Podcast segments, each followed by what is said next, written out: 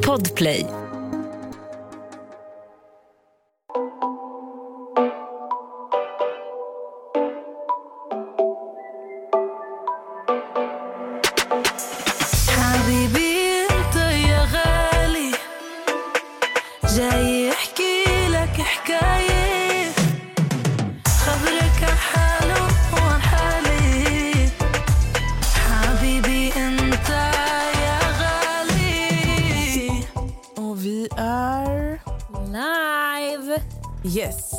Hej Nessa. Hej och välkomna till ett nytt avsnitt!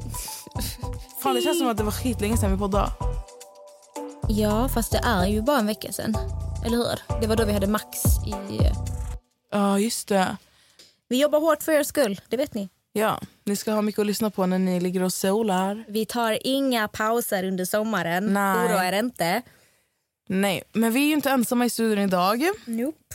Idag har vi med oss en person som vi eh, kommer att hålla hemlig. Eh, Av ja, uppenbarliga anledningar. ja, anledningar. Ni kommer märka varför. Och eh, Vi har valt att kalla honom för Johannes. Ja. Välkommen Johannes. Tack så mycket. Vi eh, tänkte ju prata lite om... Eh, alltså det här avsnittet kommer att handla mycket om kriminalitet, livet i förorten och eh, typ varför man hamnar snett i livet. ja, jag tänker det... Väldigt många har ju en syn på att ja, alla, det är alla kriminellas fel och de de får skylla sig själva. att de hamnar, Man lägger mycket skulden på föräldrarna, man lägger mycket skulden på barnen. På, all skuld bara hamnar där. Och Vi vill nog egentligen mer bara djupdyka i varför hamnar man där man hamnar. Hur är vägen dit? Är det att man bara wow, fett att vara kriminell, det vill jag vara. Eller hur ser det ut på riktigt? För jag vet just nu har det varit väldigt mycket snack om Snabba Cash som har försökt att spegla lite verkligheten av hur det kan Ser gå ut. till. Ja, exakt. Ska vi sätta igång direkt då? Ja, men jag, jag tänkte bara tillägga eh, när Carro var och pratade med oss om hennes söner. Om ni minns Karo Sinisalo. Och hon pratade ju om att när Robin, hennes son, blev mördad så alltså att hon fick en känsla av att bara för att han är från orten och sådana saker att det ska vara alltså, det är mer rätt. Eller Folk inte får mer inte rätt, samma de, eh, medlidande. Nej precis. Så att vi har ju pratat länge om att ta in en person som vi kan prata djupare med. Nu har vi Johannes här. Johannes, hur gammal är du? Jag är 34. 34 år gammal. Skulle inte du kunna berätta lite om dig själv, din bakgrund, familj? Hur? Det kan jag göra. Eh, uppväxt med min mamma, två syskon. Ingen pappa. Han dog i hemlandet. Och eh, vi kom hit till Sverige på 90-talet. Vi levde fattigt som alla andra. Vi växte upp i söder om Stockholm. Eh, vad ska jag säga? I en förort? I en förort, absolut. Eh, Eh, jag undrar hur, hur började det för dig? Hela den här resan, det här kriminella livet.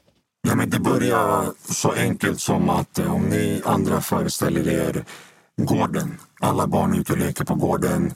Ta, vi tar förorten som exempel. Alla ungar är och spelar fotboll. Som vanligt, som alltid. Liksom, ungarna springer ut, spelar fotboll, kommer hem, käkar. Samma sak i villområden, svenskar. De heter det, kör hockey.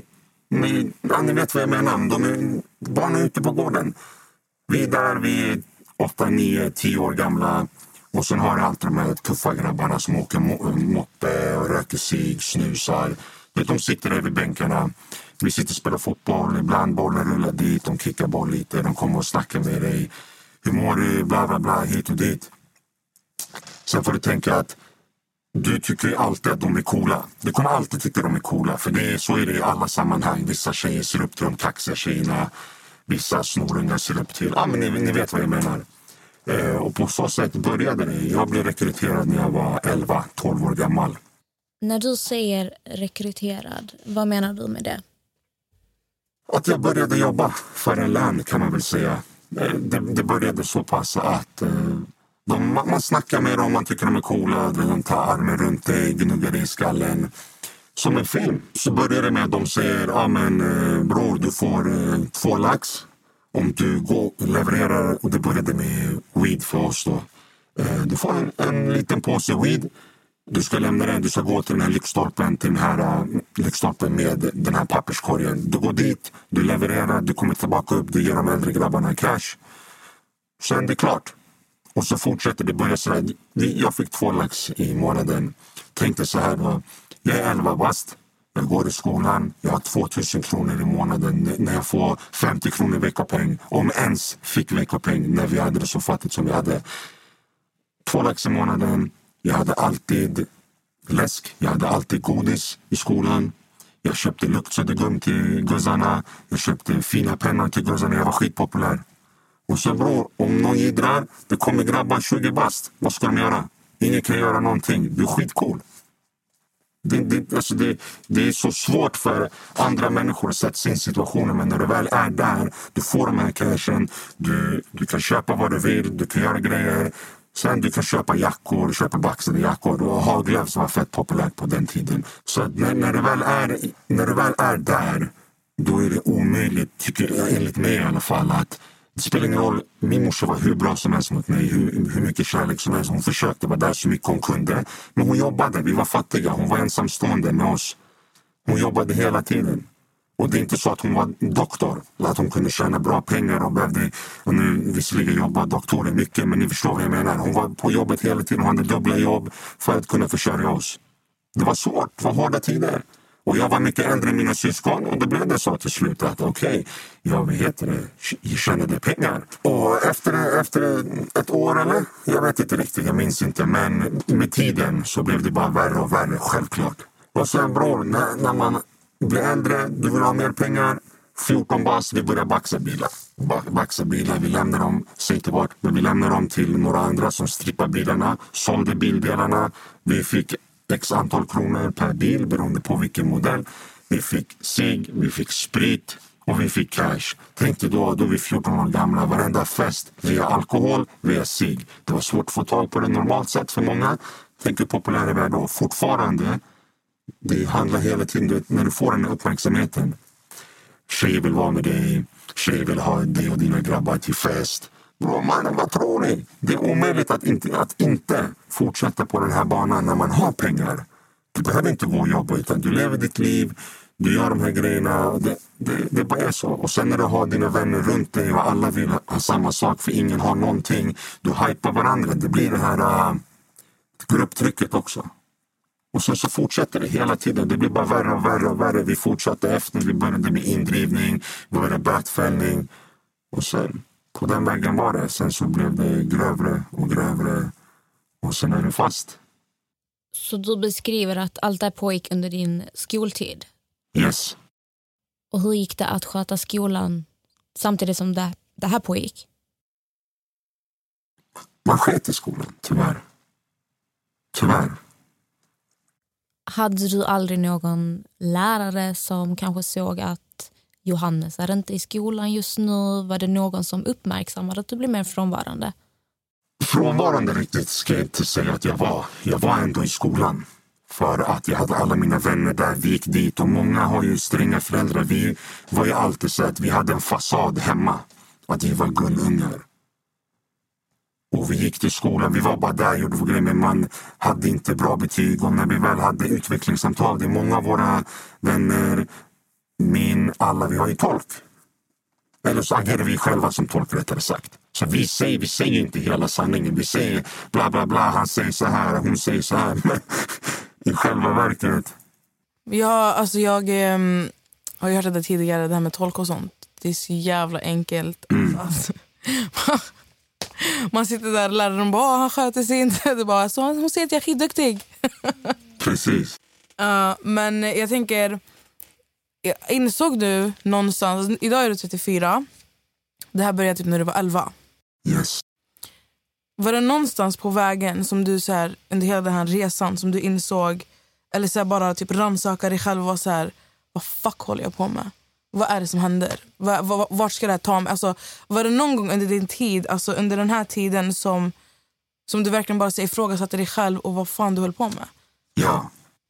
Eh, känner man sig inte så här hotad? Alltså, är, du- är du inte orolig för... Så här, blev man inte orolig för familj? Jag vet inte om du hade tjej den tiden men typ din tjej. För jag vet ju oftast att så här, när, man, när man är med i såna här... När man håller på med... Eller vad säger man? När man är kriminell så är ju oftast familjen eller så här, de man håller kärt en svaghet. Var det mycket såna tankar också? Nej, det skulle jag påstå är mest eh, film. Om jag ska vara helt ärlig. I alla fall min egna uppfattning och ah, olika trakter i min närhet och mina grabbar. Familj har alltid oftast varit eh, utanför. Det har alltid respekterats på något sätt att man inte skadar. Nu snackar vi liksom skjutningar och sånt. Att eh, familjemedlemmar oftast lämnas utanför. Däremot när jag vet att när det kommer till indrivning till exempel. Att folk är skyldiga pengar. Då kan man gå på, till, mot syskon och föräldrar. Ja, men oftast är det väldigt respektfullt. Vi kommer dit, vi säger hej, det är så ni skyldig pengar. Betala, eller så kommer vi tillbaka. Förstår du? Det är inte svårare än så. Mannen, de här måste lära sig. Enkelt. Sen när det kommer till att rannsaka mig själv, jo, min andra volta, då började jag tänka efter. Första, den var kort, Vad är volta? när man sitter. Jag trodde... Jag, jag trodde Volta med en bil. ah, jag trodde, nej, alltså, ah, okej, fortsätt. Nej, som sagt, min andra volta, då började jag reflektera. För att jag är en sån person. Jag gillar frihet och kunna göra vad jag vill. Det är väl också det som har drivit mig framåt. Att jag vill alltid kunna säga till mina syskon, till min mamma, det där kan vi göra om vi behöver någonting, det där kan vi köpa. Jag vill aldrig sitta där och bara, fan, den här känslan som när man växte upp att man inte kunde ha nya fotbollsskor. Jag hade inte råd att åka, gå och spela fotboll för att det, det fanns inga pengar. Man, jag vill inte vara fattig. Punkt slut. Jag vill ha vad andra har. Hur länge satt du? Första eller andra volten. Båda gångerna. Och hur gammal var du? Första volten 22, andra volten 26. Ett poddtips från Podplay. I fallen jag aldrig glömmer djupdyker Hasse Aro i arbetet bakom några av Sveriges mest uppseendeväckande brottsutredningar. Går vi in med hemlig telefonavlyssning och, och då upplever vi att vi får en total förändring av hans beteende. Vad är det som händer nu? Vem är det som läcker? Och så säger han att jag är kriminell, jag har varit kriminell i hela mitt liv men att mörda ett barn, där går min gräns. Nya säsongen av Fallen jag aldrig glömmer på Podplay. Okej, så två frågor. Du pratade om indrivning. Kan du förklara vad betyder indrivning? Vad gör man på en indrivning? Indrivning är eh, inte alls som på film, enligt mig. Att eh, man åker dit till folk och bryter ben och misshandlar och gör kaos. Oftast när du väl åker hem, beroende på kanske vilka ni är. Men jag och mina, när vi åkte till folk och vi, vi kunde köpa skulder. Det kunde även vara påhittade saker också för att man, man visste att folk hade cash. Man gjorde fula saker, oftast mot sådana som eh, större företag, vad som helst som inte påverkade privatpersoner. Förutom de som hade riktiga skulder. Då, då då åker vi dit, knackar på, tjena tjena. Vi kommer härifrån, de här pengarna ska vi betala det här datumet. Punkt. Vi vill inte komma tillbaka för nästa gång är det inte lika trevligt. Jag måste bara fråga, för jag har hört eh, folk som har blivit utsatta för detta. Och då var det till exempel en kille som berättade att han var skyldig någon polare 20 lax, säger vi. Och eh, han hade lite problem att betala tillbaka, vilket gjorde att eh, hans polare kontaktade någon som ville driva in skulden. Och de dubblade skulden. Så då var det inte 20 lax längre, utan då var det 40 lax som han var tvungen att betala. Är det någonting man brukar göra? Jättevanligt. Jättevanligt. Varför gör man så? För att personen i fråga har inte skött sin betalning. Och när vi väl är där, då har vi en anledning och då ska vi ha extra cash. Hur mycket pengar får personen behålla? Hur mycket behåller ni? Det är jätteolika. Det är jättesvårt att svara på. Det finns ingen standard att det är 50-50, 60-40. Nej. Jag tänkte du sa att eh, du satt inne två gånger. Ja. Hur var din mammas reaktion? Var det så hon fick reda på att du höll på med grejer? Hur tog din mamma detta? Hon grät. Visste din mamma innan vad du sysslar med? Hemma är gullegris. Så det, ja, hon, är, hon misstänkte kanske, som sagt. Men eh, hon visste inte. Och har du någonsin lagt skuld på din mamma för att du hamnade där du hamnade? Aldrig. Hon har noll kontroll på det hela. Och det är det jag vill också lyfta från ut, alltså alla utomstående som tänker ah, förorten hit och förorten dit och föräldrar borde ta ansvar. När du är, tänk, tänk er dotter, bara så. Hon vill sminka sig. Hon eh, är tio år och du tänker, man, vad, vad ska min dotter gå och sminka sig för? Men det är så. Alla andra sminkar sig. Alla andra vill göra det här. De börjar ta på sig string. Du tror inte att din dotter kan smuggla med sig i väskan och sen byta om i skolan? Bro, vad tror du för någonting? Det är, så är det exakt samma sak med den här branschen. att du blir rekryterad, du har pengar på fickan, du är populär bland tjejerna, du kommer in på festerna. Du, man, alltså, du förstår vad jag menar? Det är, det är omöjligt. Och så kommer du hem och är en gullig gris. Du tar hand om familjen, du gör allt sånt här. Det, det är omöjligt för föräldrar. Även om föräldrarna skulle veta om och skulle göra allt i sin makt. Vad ska de göra? Ska de flytta dig till Norrland? Ska de flytta dig till eh, någon annanstans? Det, det, det, går, det går inte. Det, alltså jag, man kan inte lägga skuld på föräldrarna när det kommer till sådana här saker. Absolut så kan du försöka motarbeta så mycket som möjligt men det är riktigt svårt. Tyvärr. Men jag tror också på att... Eh, alltså jag läste en sak häromdagen som jag delade på min Instagram. Där eh, det stod på engelska, det var ett citat, där det stod typ så här... Eh, alltså att, att bli eh, uppfostrad rätt handlar inte om att, så här, att man inte röker, dricker, festar. Utan att bli uppfostrad rätt är att du ska kunna bete dig alltså med, med respekt, hyfs. Alltså du ska bemöta människor på ett bra sätt. Och Det är sånt folk glömmer. För att oftast, alltså, en människa som är super alltså, alltså yrkeskriminell kan vara världens finaste människa alltså när du sitter och pratar med den. Fattar ni vad jag menar? Absolut. För att i den här världen, jag kan säga så här, många av de mest kriminella människor som finns i min närhet, som jag känner, är de absolut trevligaste personerna du någonsin kommer träffa. För att i våran värld kommer du inte med respekt, kommer du inte med hyfs. Det handlar bara om att ställa dig upp och skaka någon i handen, kolla dig med ögonen. Minsta sådana här små saker.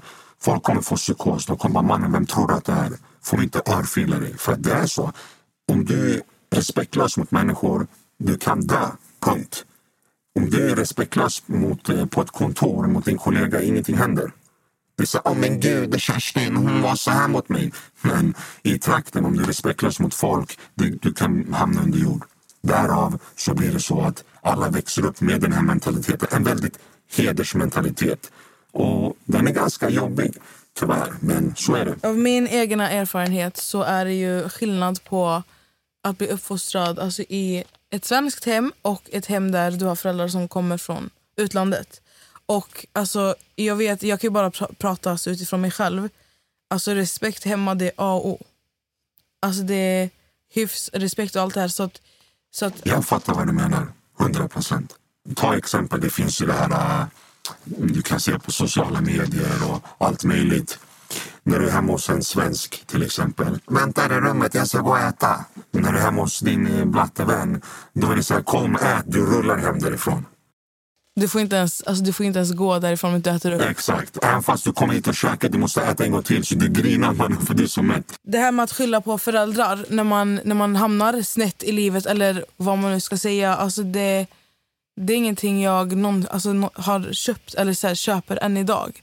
Det spelar ingen roll om någon skjuter någon eller vad den är som pågår. För att Jag vet hur mycket, men alltså, jag har ju sett människor från, från alltså, kriminella människor och jag har sett deras familjer. Och det, alltså, det syns, alltså hemma, det, de har en helt annan uppfostran. De är uppfostrade på rätt sätt, men vilken, vilken väg de har valt att ta i livet, alltså det, det är ju inte, det är samma sak som för mig. Min mamma ville ju inte, alltså min mamma ville att jag skulle plugga och bli läkare eller alltså för advokat och sådana saker. Jag gick en helt annan väg. Jag valde, jag valde en helt annan väg i livet. Och det är så här, Man lyssnar ju inte alltid på deras viljor, vad jag vill göra i mitt liv. Så att alltså, jag, jag vet inte, upplevde du någonsin, Johannes, att, eh, att, alltså din, att din familj, din mamma blev skuldbelagd på grund av ditt, alltså, där du hamnade i livet? inte specifikt hon. Eh, det är väl rent generellt att folk ser ner på mammor och pappor i förorten. Liksom, ta hand om era ungar, håll koll på era ungar. Men det är svårt. Det är jättesvårt. Man kan inte stoppa s- så här många människor i ett och samma område och vilja att de ska integreras. Det är omöjligt. Jag kan säga att en historia som verkligen fick mig att öppna ögonen det var från en gammal vän som hade en bror som hade levt eh, men väldigt kriminellt liv. Och Hon förklarade som att de kom åtta barn från ett annat land. Mamman var ensamstående. Tänk dig vara själv med åtta barn. Du kan inte svenska, du kan inte engelska. Du placeras i en förort och hennes bröder var ju äldre. De var mycket äldre än henne när de kom till Sverige och de mådde så dåligt över att se hur sin mamma hade det. De blev så kallade rekryterade från att de var 10-11 år gamla och så en chans att kunna hjälpa sin mamma. Och när hon la upp det på det sättet då förstår jag verkligen att jag kan ju aldrig förstå hur det är att växa upp på det här sättet och hur människor har det. Men när hon förklarade det på det sättet, jag fick verkligen en, en slags förståelse för varför barn hamnar där de gör. Är det då äldre som tar in dem och ger dem skydd, ger dem pengar och du får en chans att hjälpa din mamma. Du kanske ljuger för din mamma och säger att jag hjälper till och jobbar här. Och hon, hon har inte, det, är det måste vara jättesvårt. Så att, att skuldbelägga föräldrar och sånt, det, det handlar ju om det är, för mig det är politik. Det är politikerna som gör fel. Absolut. Jag tänkte fråga dig. Det är ju just nu ett väldigt stort problem. Skjutningarna som pågår i förorterna. Det är, jag tror det var två veckor sedan då hade vi två dödsskjutningar i Stockholm. Just det här med alltså vapen. När började skjutningarna? För jag har inte koll. Det känns som att det är de senaste fem, sex åren som det har spårat helt. Vad, vad är dina tankar kring detta? Du är ändå uppväxt på 90-talet. Hur är dina tankar kring detta? Det är ju den nya generationen känns det som. som... När jag växte upp då var det mycket man mot man, man slogs och sen kom det in knivar. Eh, vapen fanns men användes inte i samma skala som det gör idag. Skillnaden är också att det vi kallar nätverk idag, det var det som vi började bli. När ju mer det blev, eller vad säger man, ju mer organiserat det blev. Folk sa alltid, men vad, vilket gäng är ni? Det finns inget gäng. Vi är bara den här trakten och det är vad vi kallar nätverk idag. Och bekymret är idag att det kommer in fler och fler flyktingar än vad det gjorde på 90-talet. På det sättet. Eh, som du, du ser din landsman, du tar in honom, du rekryterar honom, du ger hans familj kläder, skor, pengar, du ger dem allting. Sen säger de, ja men här, det finns en kille som ska dö, 300 000 på hans huvud. Mannen går och skjut honom, vi tar hand om dig. Om du torskar, du sitter tre år ungdomshem, klar, jalla kom. Och det är på så sätt de tar in det yngre som oftast skjuter. Absolut. Och där ser man verkligen att Sverige måste ändra lagen. Att, du, att man ska kunna komma undan med mord bara för att du är minderårig. Det är för mig jättehemskt. Ja. Jag tänker ju mycket på Snabba Cash. För att de försökte ju få en, eh, alltså, alltså spegla verklig, en verklighet av hur det faktiskt ser ut eh, i ort, orten. Eh, De speglar, alltså jag tycker ändå Snabba Cash tar ändå upp det som Johannes pratade om. Att de rekryterar den här Tim, eh, han tjänar snabba pengar. ja, men det, det, är så, det är så mycket också som... Alltså jag stör mig bara på den, på den serien. Hur tycker du att Snabba Cash speglar verkligheten? Tyckte du att de lyckades med det? En del, ja, skulle jag påstå. Stor eller liten del? En stor del, men det är saker som jag inte... Till exempel de här skjutningarna. Mannen, det finns ingen skjutning som håller en kvart. Stick härifrån. Vad är det här för löjligt? Men som jag sa, det är ju film. Det är en serie. Man måste spexa, det måste vara intressant. Sådana saker stämmer absolut inte. Men vi tar till exempel att Ravy försöker komma in i hennes företag och bötfälla henne för att han har lånat ut cash och sådana saker. Eller sägs bötfälla, men ni förstår vad jag menar. Sådana små saker. Kriminella gör så. Inte alla, men man är girig och man försöker smussla sig in på alla möjliga sätt. Jag har en fråga om en karaktär. Det finns ju, jag, vet, jag minns inte vad han heter, men han som är själva ska som vi säga, chefen över Ravy, han som sköter leveranser. Han, den här, den, han pratar väldigt så här, nu är det så här.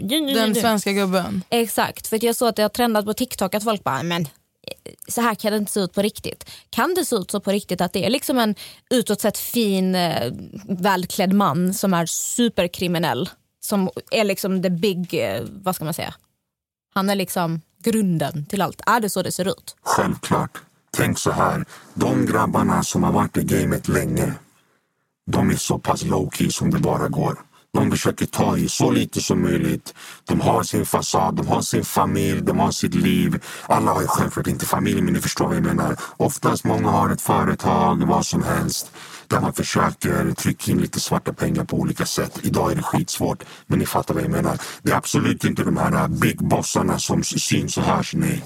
Det är svårt. Jag kan säga att, att vara yrkeskriminell idag och vara aktiv och ta i de jobbiga sakerna, göra the dirty shit, de håller inte länge.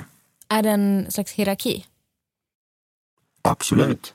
Det beror också på i, i vad. Är det ett nätverk? Hur pass organiserat är det nätverket? Men sen finns det alltid, allting handlar om kontakt i slutet av dagen.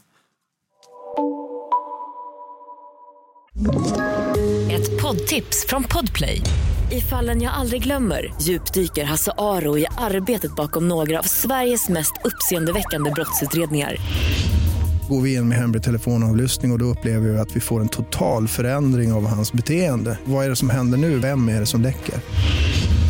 Och så säger han att jag är kriminell, jag har varit kriminell i hela mitt liv men att mörda ett barn, där går min gräns. Nya säsongen av Fallen jag aldrig glömmer på Podplay. Jag har en fråga när vi ändå var inne på Snabba Cash. Har du Instagram, Johannes? Ja, Så du håller ändå lite koll på influencers? Eller du, du kanske inte följer dem, men du vet lite? kan man säga. Så jag såg ju först att det här började trenda på Twitter. Det var Madeleine Elisa som jag förstår lyfte frågan kring influencers som gör narr av Snabba Cash och hur man pratar i förorten. Vi hade Kissy, Daniel Paris, det var de här JLC, Lukas Simonsson som började när man sett för mycket Snabba Cash och så gjorde de narr av hur man pratar i förorten till exempel. Och Sen såg jag även att Pim, Pimpina, började lyfta det här väldigt mycket på sin story.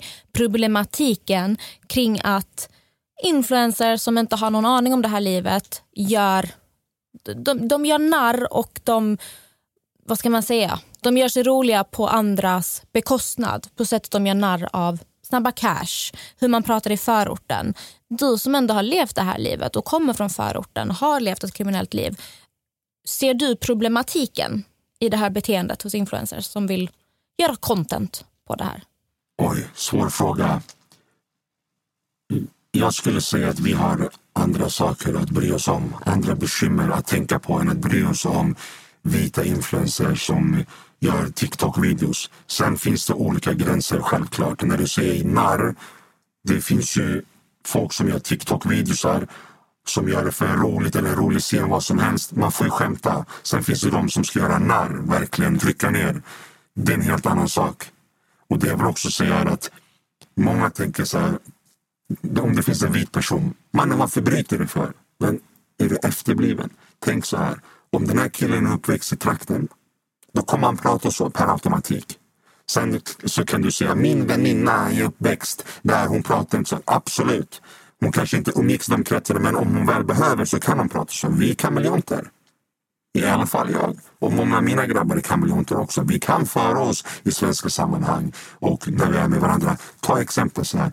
Om du umgås med människor som pratar skånska, som pratar småländska. Till slut kommer du anpassa dig lite efter den dialekten eller prata lite så. Det är exakt samma sak. Tänk dig att du är bara med de här människorna från trakten. Du kommer prata så, punkt slut. Men det känns som att du inte svarar på, det, på Amelias fråga riktigt. Hennes fråga är vad du tycker om att de gör ju, de gör ju narr av, det är ju narr de gör av, av alltså hur man pratar i orten. Jag tror att det som gjorde många upprörda det är att de gör jättegärna content på det här men när det gäller att lyfta riktiga samhällsfrågor, problem som för, eh, för, förgår i orten så är de helt tysta. Men de gör gärna rolig content på Snabba Cash men de vill inte stå upp och prata om problematiken som faktiskt finns där. Det köper jag. Det håller jag med om också, 100 procent. Då har vi ändå fått svar att du bryr dig inte direkt men du förstår problematiken om man säger så. Självklart. Vi har skrivit ut på vår Instagram att eh, vi har med oss en person som har levt ett mycket kriminellt liv. Så ni har fått ställa frågor till honom. Och nu tänkte vi att vi ska hoppa in i lyssnarfrågor. Så det är ni som har ställt de här frågorna så Johannes, du känner dig bekväm att svara på dessa? Det hoppas vi. Om du inte vill svara så är det bara att säga att du inte vill svara. Inga kommentarer. Så jag bara pass. Som ett förhör, inga kommentarer. Hur hjälper man någon som är kriminell att komma ur det som närstående? Oj. Först och främst så måste personen i fråga själv vilja gå ur. Sen kan du guida personen på bästa sätt. Det finns ju sådana avhoppningscenter, eller vad kallar man det? Där man kan få hjälp med att kliva ur, Är det lite som AA-möten fast för kriminella? kan man säga. Har du något tips? Alltså när, du, när du började komma in i det här, var det någonsin någon som såg dig och försökte stoppa dig?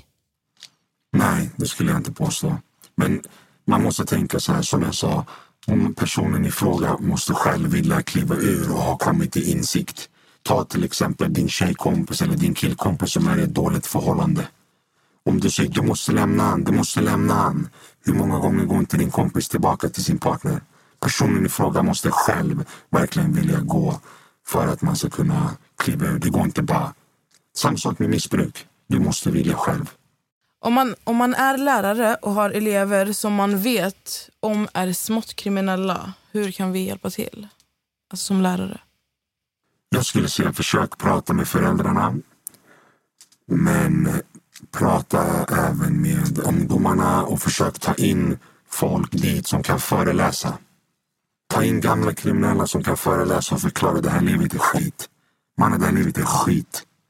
Mm. Vi pratade mycket med Karra om detta, att hon sa att det krävs mycket bra förebilder och att det är väldigt viktigt vem, att ungdom, ungdomarna lyssnar inte på vem som helst utan det krävs någon de verkligen vill lyssna på. Absolut. Vi behöver folk som kommer från samma skrot och korn, som är samma skit som dem. Vi behöver folk som har växt upp på samma sätt. Du kan inte hämta vem fan som helst. Du måste hämta någon som kan relatera, som någon som de kan se upp till, som kan förklara. Bror, vad gör du? Mannen, det här är skit. Fuck det här livet. Har du någonsin tänkt på att andra i din omgivning kan skadas på grund av din livsstil? Självklart har man tänkt på det, men... Jag, jag, sa- jag vet inte riktigt hur jag ska svara. Jag har inte absolut tänkt på det. Men som jag sa tidigare under våra samtal här att eh, det har alltid varit så att man inte brukar gå på nära och kära på det sättet. Men exempel, man har ju läst om skjutningar där flickvännen har varit i bilen blivit skjuten istället för killen i fråga. Eh, det kan ha varit att folk går till en allmän plats och börjar skjuta. De bryr sig inte om vilka som är omkring. Då är det ju personer i din omgivning som skadas på grund av att de är med dig. Så låt oss säga att du har en flickvän som du älskar. Är du inte rädd att gå ut med henne och åka bil med henne om du vet att du har folk som är ute efter dig? Jo, det kan jag påstå. Men i, i dagsläget har inte jag några fiender. När jag var yngre då, då var jag, levde jag high life, eller vad ska man, man säga. Jag hade ingen flickvän, jag har ingen flickvän idag heller. Men eh, ja, det är, en, det är en riktigt svår fråga. för att jag, jag kan säga så här, går man runt och är orolig att saker och ting ska hända, då är det här livet inte för dig. Ångrar, ångrar personen att den varit kriminell? Så att frågan är ju till dig. Om du ångrar att du har varit kriminell. Och jag skulle nog påstå att jag ångrar det på grund av att eh, alla tårar min mamma har fällt, all, all ångest som har kommit, utanförskap. Det är inte värt det i slutet av dagen. Jag skulle absolut tagit en annan väg idag om jag kunde. Vi lever i ett bra land egentligen, bortsett från eh, massa saker självklart. Ingenting är perfekt, men vi har gratis skolgång. Om jag fick göra om allting så hade jag skött det där. Ett poddtips från Podplay. I fallen jag aldrig glömmer djupdyker Hasse Aro i arbetet bakom några av Sveriges mest uppseendeväckande brottsutredningar. Går vi in med hemlig telefonavlyssning och, och då upplever vi att vi får en total förändring av hans beteende. Vad är det som händer nu? Vem är det som läcker? Och så säger han att jag är kriminell, jag har varit kriminell i hela mitt liv men att mörda ett barn, där går min gräns. Nya säsongen av Fallen jag aldrig glömmer på Podplay. Hur tänker man innan man ska göra brottet? Är det inte lätt att fega ur och ångra sig? Det, oj vilken fråga. Som jag sa, om du sitter och tänker så, då är det här livet inte för dig. Ja, men får, du, får man aldrig ångest över vad man gör? Låt oss säga att du har åkt hem till en killes pappa för att den här killen är skyldig någon pengar och du skrämmer den här pappan. Får du inte ett samvete? Det är roligt att du säger det för jag har gått mycket till psykolog för att få mer självinsikt i mig själv och för att bearbeta tankar man har haft. Jag skulle rekommendera psykolog till många där ute om jag ska vara helt ärlig. Det har funkat bra men du måste hitta rätt person att prata med också. När det kommer till just det du tog upp nu. De gångerna jag har haft ångest över vissa saker. Det är när det kommer till indrivning när, man, när personen i fråga inte har betalat och du har varit där. Det sker väldigt sällan, ska jag faktiskt säga. Men när det väl är och du måste pressa föräldrar, syskon, vad som helst och som är icke inblandade. Då, då i efterhand, inte där och då, men i efterhand har jag fått ångest för man har sett deras tårar, deras rädsla när de, när de är oskyldiga egentligen. Men vi vill ha våra pengar. Ditt syskon eller ditt barn måste betala. Tyvärr. Bara en följdfråga. För att jag minns att jag har pratat med en tjej som hade en kille som var kriminell. Och Hon berättade att han kunde ta någonting som gjorde att hans känslor bara försvann. Att han gjorde det här innan han... Men det är ju Kunde- ganska, det är ju ganska vanligt alltså när man gör stora brott att man Ja, men tar att droger för att Folk dämpa. inte vet att folk kan ta droger som dämpar dina känslor som gör att där och då du är, du är helt iskall. Du är inte ens en människa. Du har ingen skam, du har ingen skuld. Är det många som gör det? Verkligen. Jag kan säga så här. Droger tas flitigt av många för att dämpa nerver. Det finns någonting som vi kallar habbar, tabletter som du käkar, pungkulor på burk. Du kan göra, alltså jag kan säga så jag har sett såna fega människor käka de här äh, och blivit Hulken mentalt. De kan gå mot vad som helst. Men nu nu är inte det jättevanligt, men det förekommer. Sen absolut, man röker weed, man vad, vad som helst för att dämpa nerverna lite. Sen kanske inte weed är för alla, vissa blir paranoida, men ni förstår vad jag menar. Det förekommer. Det låter som att många som är kriminella som tar de här grejerna för att få mer pungkulor som du säger. Det låter nästan som att det måste vara lätt att hamna i ett missbruk om man sen ska gå runt med den här ångesten och skulden och hela tiden känna att man behöver dämpa den. Är det någonting du tror att ett, ett missbruk kan vara en, kons- alltså en konsekvens till det här livet? Verkligen. Verkligen. Vad är det hemskaste och mest traum- traumatiserade du varit med om som kriminell? När, när mina vänner har dött. Det är nog det värsta hittills. I alla fall första. Första var katastrof för mig. Då fick jag min första panikångest jag någonsin haft. Det känns som sorgligt nog att eh, många som lever det här livet de förlorar ju många vänner, bröder, vad som. Hur, hur går man vidare som människa? För jag har aldrig förlorat någon nära på det där sättet. Det måste vara jättetraumatiskt och hemskt. Ja, jag vet inte riktigt. Är folk vana vid det? Är det eller blir, blir folk chockade när folk blir skjutna? För att tyvärr, det är fruktansvärt. Man läser om det var och varannan dag. Blir folk chockade att folk blir skjutna? Som jag sa, första gången jag förlorade en vän, det var jobbigt. Andra, ah, ah, missförstå mig inte. Alla gånger har varit jobbigt, men den första gången var verkligen wow. Vad hände precis? Sorgen, sorgen var fruktansvärd. Och, men sen du, du blir avtrubbad, ju mer skit som händer. Har det någonsin hänt framför dig att någon av dina vänner, jag vet inte hur många vänner har du förlorat och har det någonsin hänt framför dina ögon? Jag har förlorat många. Jag kan räkna på två händer i alla fall. Och ja, det har hänt framför mig. Förväntade, förväntar man sig att... Alltså kändes det som att en sån här händelse var nära? Alltså nu menar jag inte att så här, okej nu... Det känns som att det kommer, alltså jag tänker hela, hela det här, den här livsstilen. Kändes det som att så här, man vet ju om att det här kan hända. För man vet ju om att att vara kriminell är ju också en jävligt stor risk. Men eh, kändes det som att det var nära? För jag kan bara ta till exempel typ så här, sjukdomar som exempel. Typ cancer.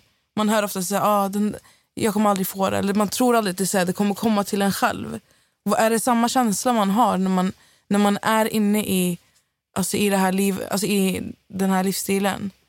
Verkligen. Jag kan säga så här att vi alla som är verkligen in the shit är, eh, är redo på vad som kan ske. Men man blir bekväm. Ju, ju äldre du blir, desto mer bekväm blir du. Så du tänker inte så mycket på det. Du blir mer van. Visserligen så blir man ju paranoid, men man vänjer sig.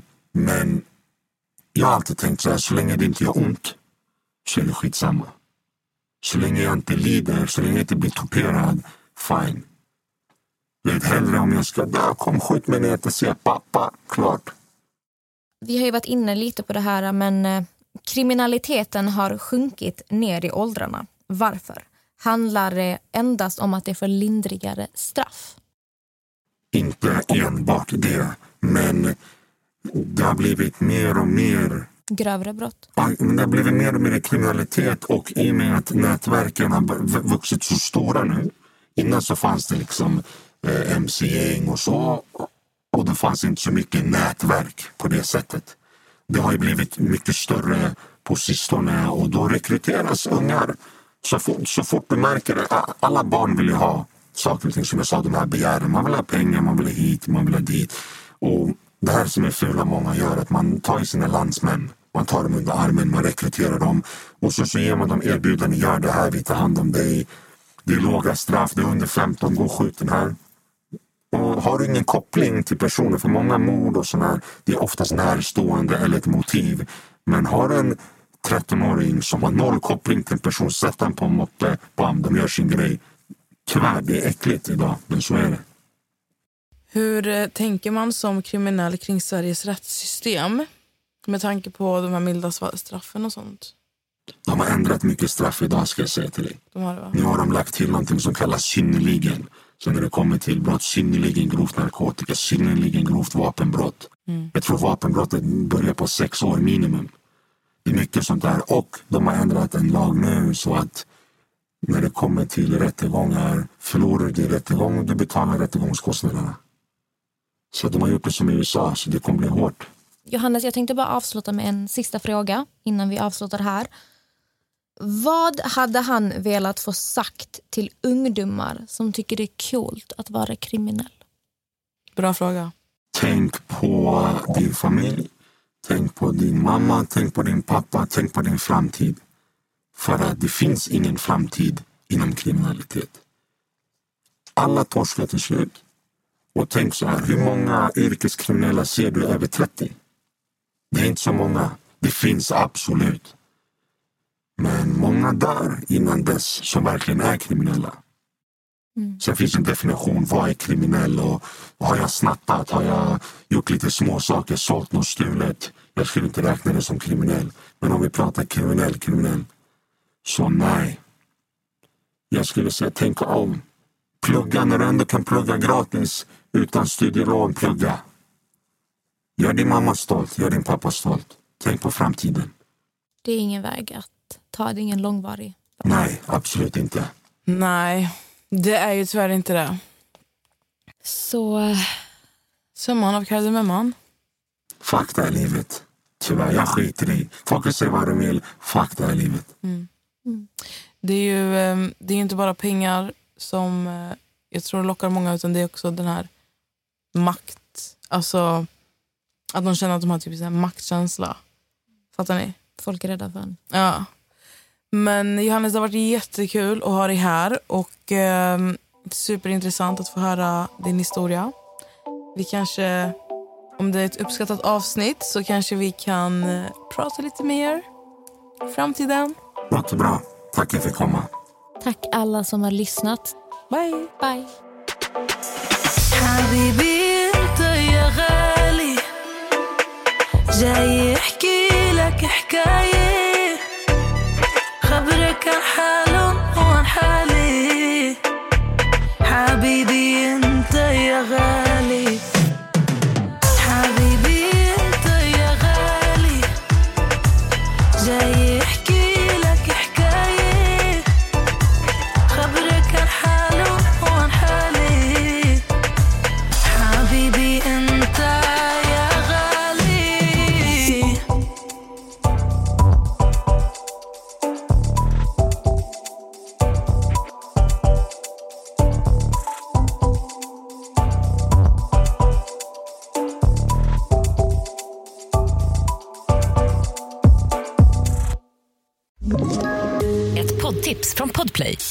podden Något Kaiko garanterar östgötarna Brutti och jag, Davva, dig en stor dos skratt.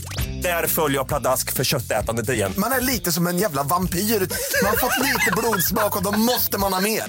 Udda spaningar, fängslande anekdoter och en och annan arg rant. Jag måste ha mitt kaffe på morgonen för annars är jag ingen trevlig människa. Då är du ingen trevlig människa, punkt. Något Kaiko, hör du på Podplay. Därför är gardinerna.